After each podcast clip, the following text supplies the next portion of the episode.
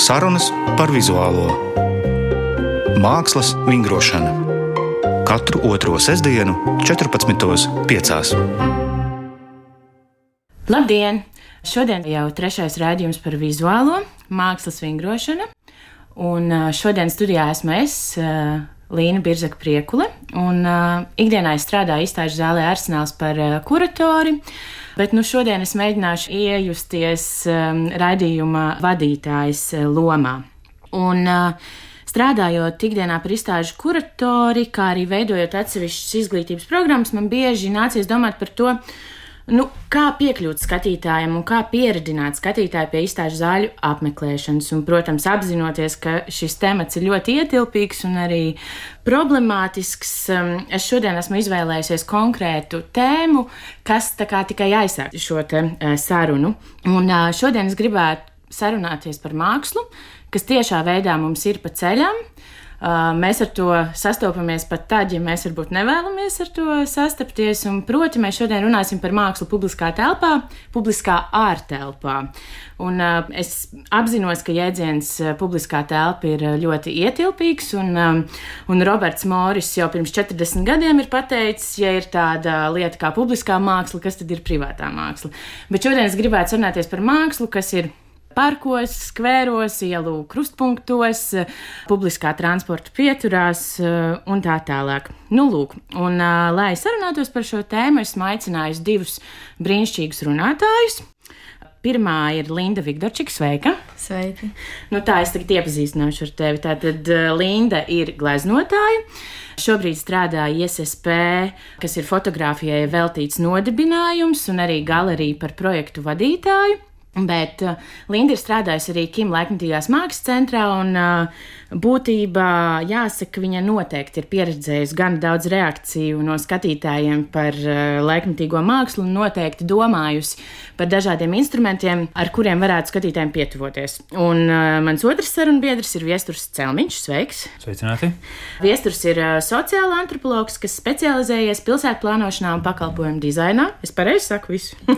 un šobrīd strādā pie VFA apkaimes attīstības un paplašinātās realitātes tehnoloģiju izmantošanas pilsētvidē.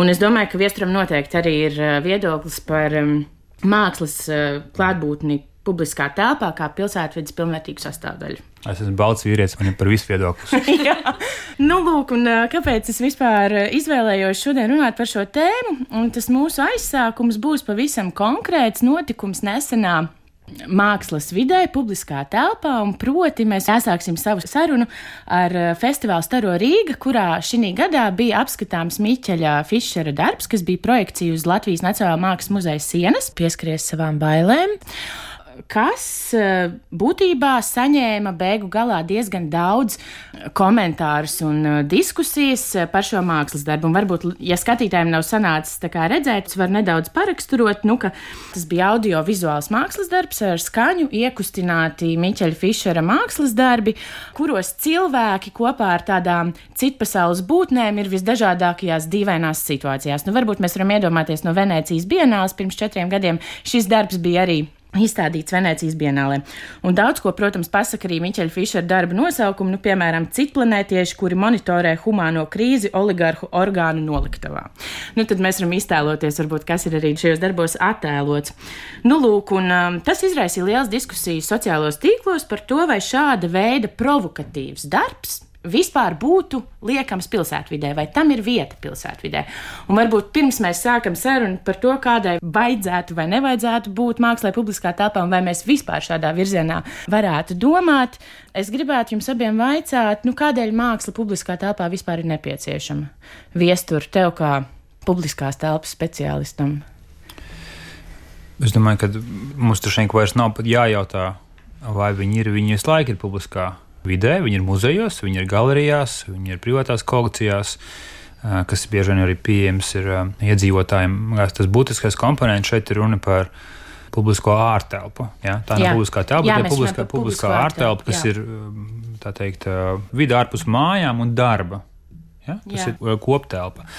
Un būtiski, man liekas, ir otrs kvalifikators, jeb kritērijs, ka mēs šeit runājam par mākslu, kas ir, es domāju, laikmetīga un var teikt, tāda apcerīga un komentējoša. Jā, jo šajā gadījumā runājot par Fischeru darbu, viņš ir sociāli kritisks un apcerīgs. Un tā man liekas, ja paradoks ir, ja šis darbs tiktu eksponēts audiāli un vizuāli ēkas iekšienē, nekādu komentāru nebūtu bijuši.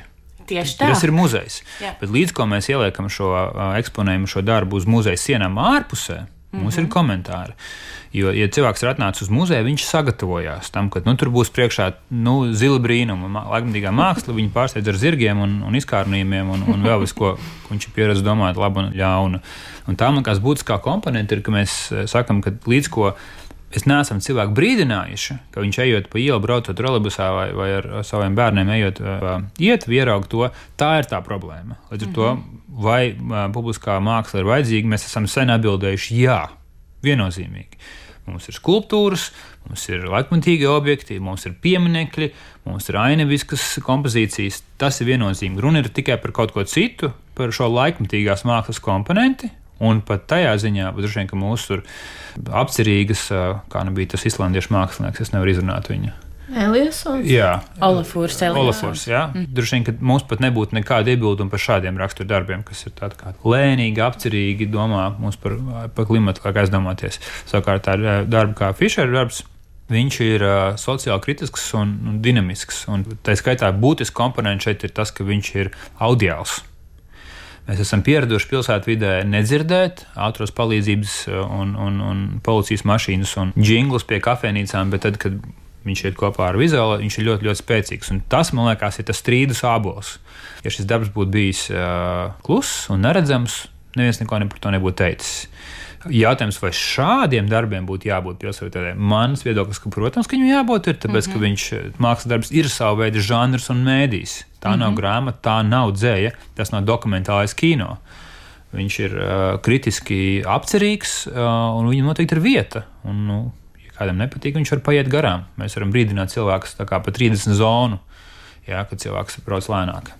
Jā, bet uh, tu pats arī esi bijis viens no iniciatoriem um, šo te pērtiķi no Sēmu, no Kronvalda parka pārvietot um, uz uh, VF teritoriju, un varbūt uh, tu vari padalīties, kāda ir nu, skatītāju vai tās apkaimes iedzīvotāju reakcija um, pret šo darbu, un kāpēc tu vispār izdomāji, ka viņam tur ir jābūt? Jā, divi būtiski komentāri šo darbu izvēlējās jaunās teikas vadība. Es esmu viens no, viens no darbiniekiem šajā teritorijā, bet es noteikti nevaru ņemt, ka tas būtu bijis mans, mans ierosinājums. Es teicu, ka tā ir super ideja, bet mm -hmm. tas, protams, bija finansiāli ietilpīgs process. Un jāatzīmē, ka mēs zinām, ka šo pērtiķi diskvalificēja jā, no Kronolda parka. Jā, tas ir būtisks komponents, kas man liekas, jebkuram mākslas darbam ir tikai krājiņa plusiņas, kad viņš vispār mākslā ir liels jautājums, ir, vai viņi vispār spēj kādu iekustināt. Ja viņi rada tik iekas, ka viņš kaut kas ir jāeliminē no publiskās ārtelpas, viņš, manuprāt, ir sasniedzis rezultātu. Jā. Ko vien tu vari gribēt, kā mākslinieks, kad par tavu darbu sāk runāt? Tu droši vien negribi, ka viņi runā tikai labi vai slikti, bet ko runā, to runā. Un tas konteksts bija, kad man liekas, tā trešā būtiskā piebilde ir ka tad, kad mēs runājam par mākslu, mēs biežāk runājam par laikmatīgo mākslu, jo neviens neiedomājās evakuēt padega pieminiektu vai, ne, vai mildu. Jā, mēs runājam par laikmatīgo mākslu, kas bieži ir centrā, un centrā mēs liekam sabiedrībai svarīgāko. Jā. Un kādam likās, ka mērķis varbūt nav pietiekoši svarīgs. Jā, pētīts, kas simbolizē jā, eksperiments uz dzīvniekiem jā, kosmosā, padomju savienībā. Jā tas cilvēkiem varbūt teikt, bija, bija sāpīgs moments. Un mums liekas, ka, protams, eh, mēs esam mālainā augsnē, VFā, mēs esam mālainā augsnē teikā. Tur teikt, ir divas maģistrālas, astoņas joslas, mašīnas gāž apkārt. Tur nu, vēl tādas četras pērtiķis vajadzētu. uh, un tad ietnes varbūt par kontekstu, kur mūsu darbinieki ir nezinu, gados jauni, aktīvi, dinamiski, atvērti. Priekš viņiem šāds eksperimentāls formāts ir absolūti organisks. Mm -hmm. uh, un tas, man liekas, ir publiskās mākslas uzdevums, ka viņš cilvēks provocē.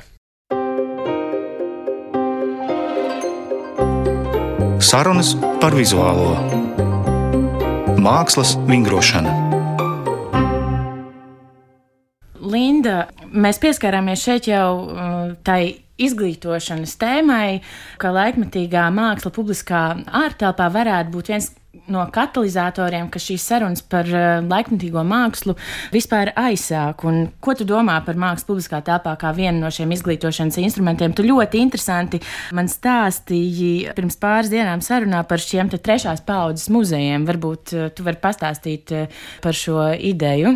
Mm, trešās paudzes muzeja. Es varbūt sāktu, kas ir publiskā māksla, ir viennozīmīgi skaidrs, ka ka publiskai mākslai ir jābūt. Um, pieredze rāda arī no daudz citu valstu galvaspilsētām, ka publiskai mākslai ir milzīgs potenciāls uzsākt kaut kādu sarunu, virzīt diskusiju par um, tādā brīdī publiski svarīgiem jautājumiem. Viesturs labi pateica, man arī liekas, ka publiskai mākslai vajadzētu kaut kādā veidā stimulēt cilvēkus. Un, ja viņai ir reakcija, un man tāpēc arī patīk, man liekas, ka Miķels Fišers ir sasniedzis kaut kādu mērķi, tiešām ir arī kaut kāda saruna ap to. Jo šobrīd tas, ko var redzēt Rīgas kā, publiskajā telpā, es nevaru teikt, ka ir ļoti daudz darbi, par kuriem cilvēki vispār interesētos. Un tāds nu, vidusmēra Rīgas iedzīvotājs, ja viņam paprasītu, vai viņš zina publiskās telpas darbus, es esmu diezgan skeptiski noskaņot, vai viņš varētu nosaukt, piemēram, pieeja piecus. Kaut gan mums ir diezgan daudz, bet tie parasti ir objekti, kuriem diezgan viegli cilvēki paiet garām. Un nav šīs te, m, diskusijas, kur pretī varbūt gadus 20, 30 apakaļ mums, man liekas, bija daudz intensīvāk šīs mm -hmm. publiskās mākslas telpa.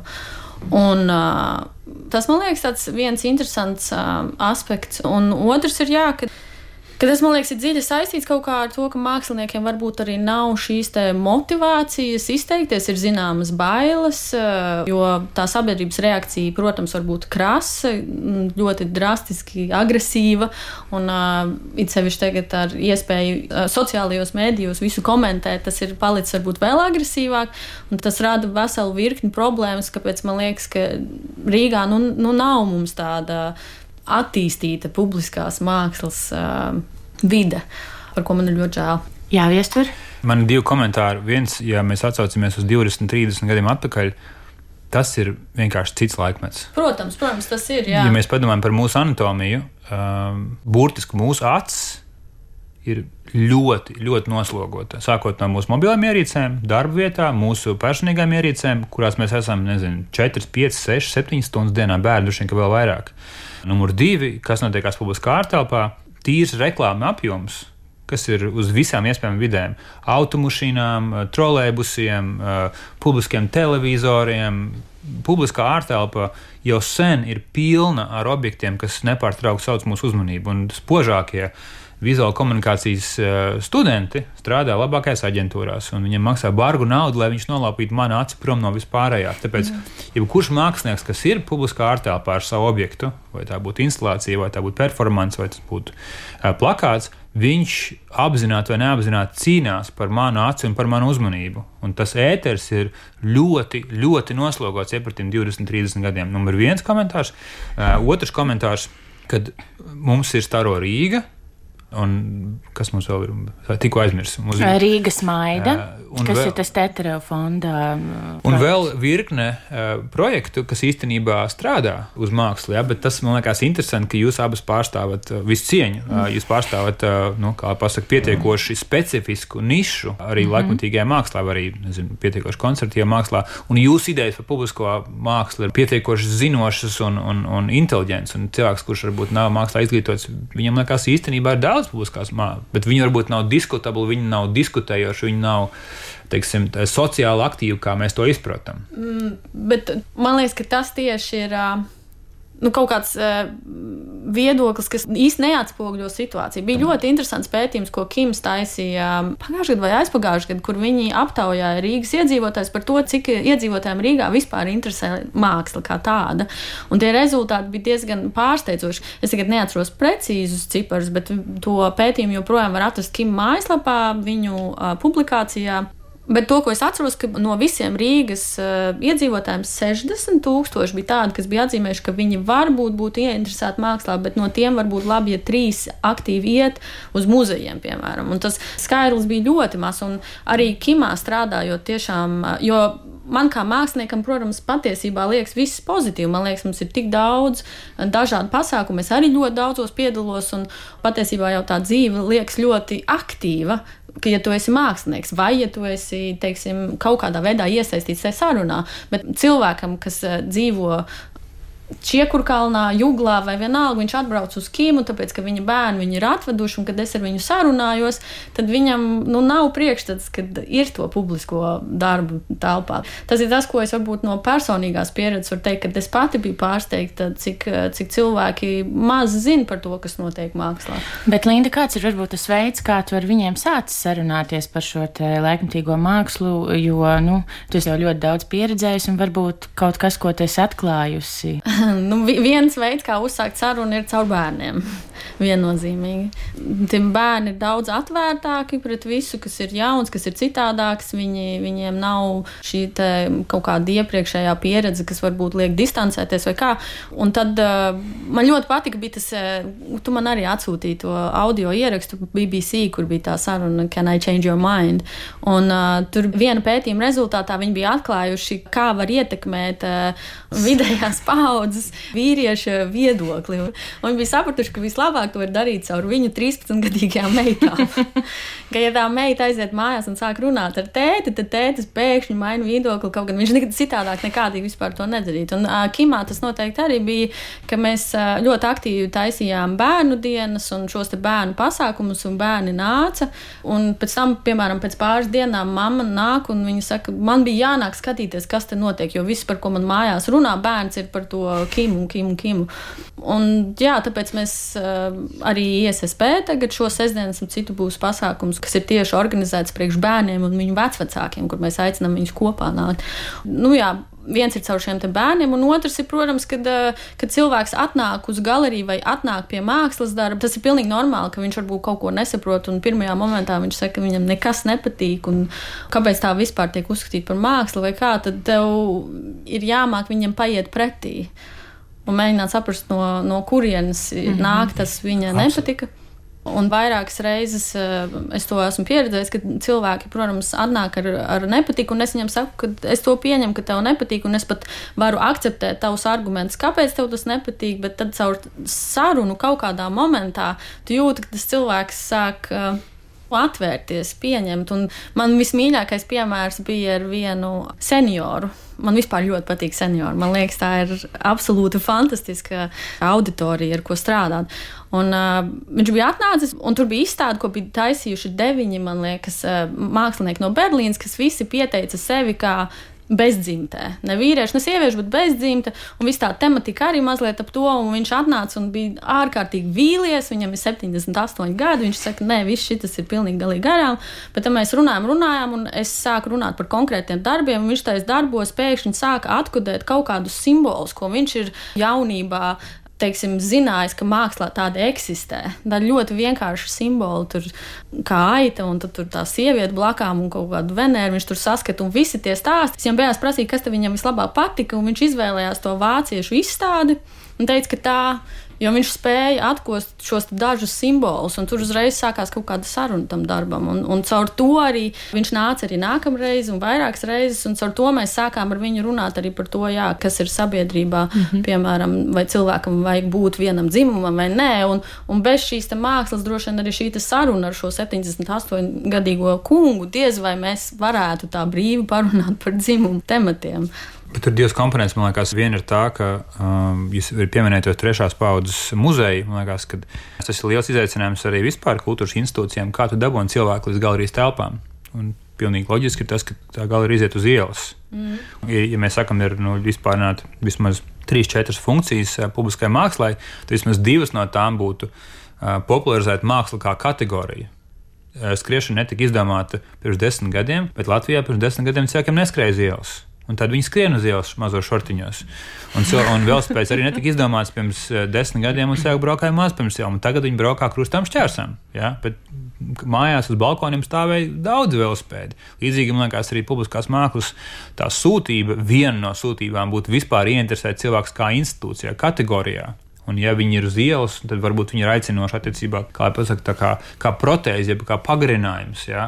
Ēkai ir arī viņas aicinošā funkcija. Un, protams, otrs ir sociāli kritiska, kas sekmē kritisko domāšanu un vispār mūsu spēju būt dialogā ar atšķirīgo. Ja mēs esam pilsētā, mēs esam pēc definīcijas atšķirīgi, un tam būtu jāspēj vingrināt mūsu muskultūra, izteiksme, izpratne, valodas spējas, kā mēs vispār tiekam galā ar atšķirīgo sevi, citos cilvēkos, paudzēs.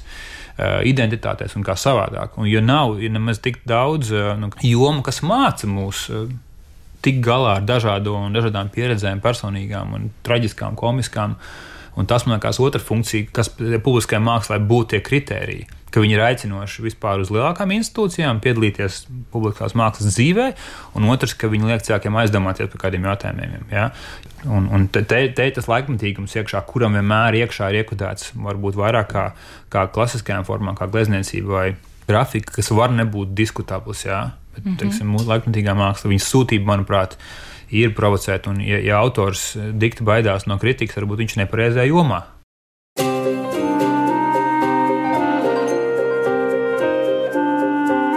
Mākslas vingrošana.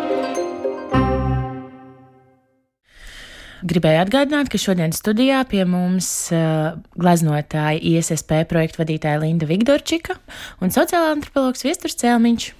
Bet uh, domājot arī par Miķeļa Fišera darbu, mākslinieks, protams, uh, iespējams pats zināja, kādu reakciju tas izraisīs. Arī... Ko jūs domājat? Bet, uh, Linda, kā tev šķiet, varbūt šo sarunu varēja vēl turpināt, varbūt, tieši šīs diskusijas par šo te konkrēto mākslas darbu publiskā ārtelpā varēja kļūt par tādu katalizatoru tādai tālākai sarunai, tam varētu sekot kaut kādi tālāki soļi, kā tev šķiet? Jā, es, es ideālā variantā, protams, tā saruna vajadzētu viņai turpināties, bet te ir tā problēma, ka tā bija. Nu, principā viena vakara darbs, mm -hmm. kas varbūt, ja viņš būtu ilgāku laiku, tad loģiski arī šī saruna droši vien turpinātos. Uh, Bet tagad es, es, es arī domāju, ka lielai daļai šādu sarunu nevajadzētu notikt uh, virtuālā vidē. Man liekas, ka tām sarunām tomēr ir jānotiek um, kaut kā citādāk, nevis caur komentāriem. Es, es varu iebilst, Jā. kāpēc ne? Kāpēc viņas nevar būt virtuālā vidē? Mēs varam visu, mēs varam ievēlam prezidentus, viņus tā teikt apšaubām, viņu publisko dzīvi mazgājam. Kāpēc mēs runājam par Jā, publisko da... mākslu uh, virtuālā vidē? Tāpēc, ka arī tur ir um, arī jau pētījumi par to, ka pirmkārt diskusijā divi cilvēki paliek radikālāki. Jau viņi, teiksim, ikdienā var būt daudz mierīgāk noskaņoti un daudz arī fleksiblāki par savām idejām, bet kaut kādā momentā, kad uh, ja tu noliec cilvēks ar mazliet pretējiem viedokļiem, viņi paliek agresīvāki savos viedokļos. Un tad ir uh, otrs uh, moments, ka internetā mēs paliekam vēl agresīvāki. Un bieži vien tā saruna iesprūst kaut kādā strupceļā, pirms viņa vispār ir sākusies. Vienkārši tāpēc, ka ieslēdzas kaut kāds. Um, Nu, es nezinu, aizsardzības mehānisms vai kaut kas, kas tev ir. Bet tas ir brieduma jautājums. Bērni arī sākumā grauž mašīnas un daudz viņas par cienu. Tad viņi viņas liek pēc tam aiz stikliem un, un, un, un taisa kolekcijās. Es domāju, tas ir kaut kāds posms, kurā nu, mēs aizlieksim runāt par mākslu publiskajā telpā, virtuālā. Es domāju, ka cits jautājums, vai uh, kurators, kas stāvēs Fišerā, vai viņš bija gatavs A provokācijai, B kā viņi amortizēs to provokāciju un to sarunu izvērsīs. Jūs nevarat atstāt vienkārši kaut kādā tādā nu, vispārīgā, kaut kādā tur neredzamā roka, ka sarunu koordinēs un, un kūrēs. Tāpat kā mēs kūrējam izstādes, mums ir jākūrē arī publiskajā virtuālajā publiskajā telpā, kā mākslas darbs tiek saņemts vai kā mm -hmm. viņš izvērš. Un tad, kur ir mūsu četri uz rokas pirkstiem skaitāmie valsts kritiķi, viņi piedalās sarunā, un re, re, kur ir fišers, re, kur ir nākošā dienā diskusija, kamēr karsts sēž un dzer vīnu un plēpā par to. Tie 60 tūkstoši cilvēku, kuriem tas interesē, klausīsies, varbūt pienāks vēl viņa 13 gadu meita klāt un noklausīs Jā. to sarunu. Tā kā vai mēs spējam sagatavot cilvēkus, mēs vienkārši tā teikt, sodam. Mm -hmm. Protams, ga galvenais sodīt kādu cilvēku ātri, kas, kas ļāva Fischeram būt uz ārsienām, pašu Fischeru kārtīgi norādīt, aizliegt kādam dot viņam pēc tam balvu. Un nerunāt par to. Un, viss, un, lai, un lai viņš tiek galā par to, mēs aizmirstam. Ja? Un tā jau vienreiz mums bija tāda sistēma, mēs gribam vēlreiz kaut kā tādu. Uh, bet runājot, man liekas, šeit burvīgi ieskanās mākslinieka Jūra Boikobals 88. gadā.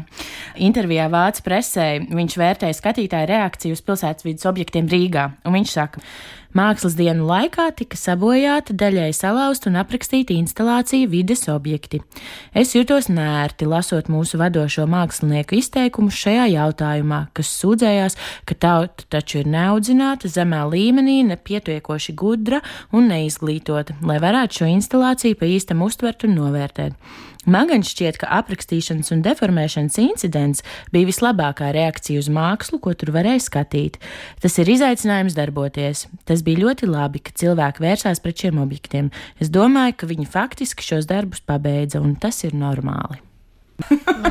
Man liekas, ka Žura Boiko citāts no 88. gada Veselīgs, vai ne? ir ļoti veselīgs. Un arī uh, pasaka par šo situāciju. Bet mums ir šodien dots ļoti maz laiks, un es saprotu, ka šī saruna ir uh, tikai aizsākusies, un varbūt mēs kaut ko to varētu turpināt. Bet, uh, Nākošajā sezonā. nākošajā otrā sezona.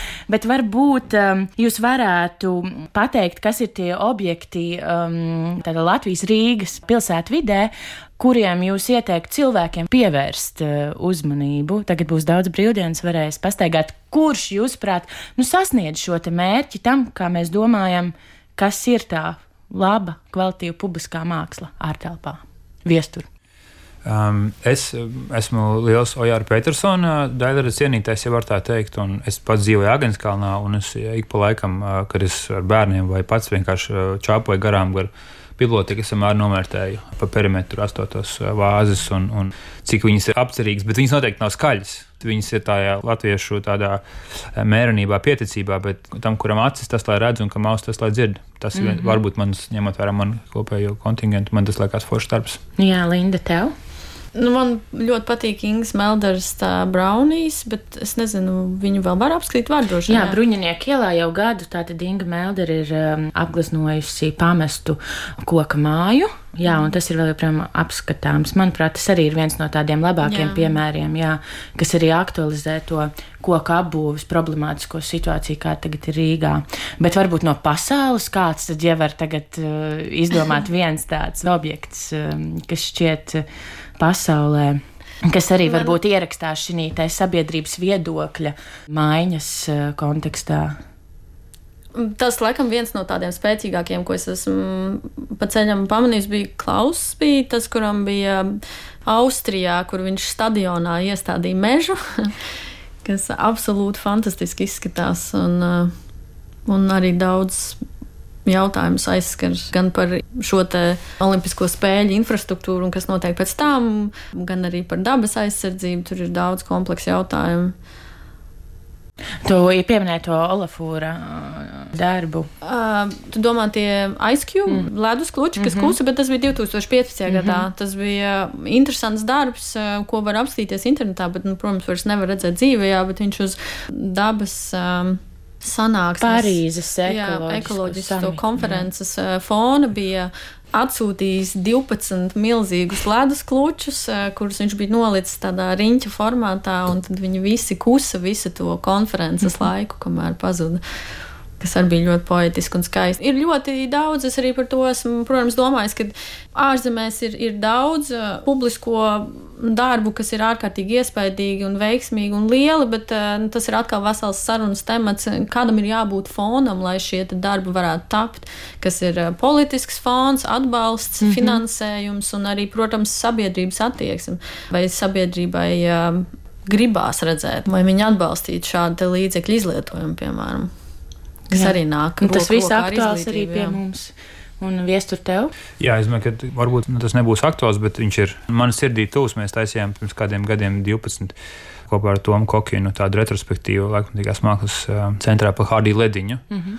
Un visi viņa tā teikt arhīvus, un, un uh, viņa būdams arhitekts pilsētvidē, tā ir man ļoti ļoti tuvu tēma. Viņa komentārs gan par daudz dzīvokļu namu rajoniem, manuprāt, absolūti karam pārsist to, to viņu varavīksnes māju un, un vispār iztēloties citās kategorijās, principā nosodām un, un vēl citādi apmēdītu mūsu tipoloģiju daudz dzīvokļu namus. Tas, man liekas, joprojām tādā kanonā, es domāju, ir viens no top trīs darbiem vispār publiskās mākslas Jā. vēsturē. Es esmu joprojām aizgrābts un ik pa laikam pakausī atceros to, to viņu veikumu. Ļoti, ļoti īsts, ļoti intensīvs, ļoti, ļoti mm -hmm. spēcīgs un ļoti konceptuāls, manuprāt.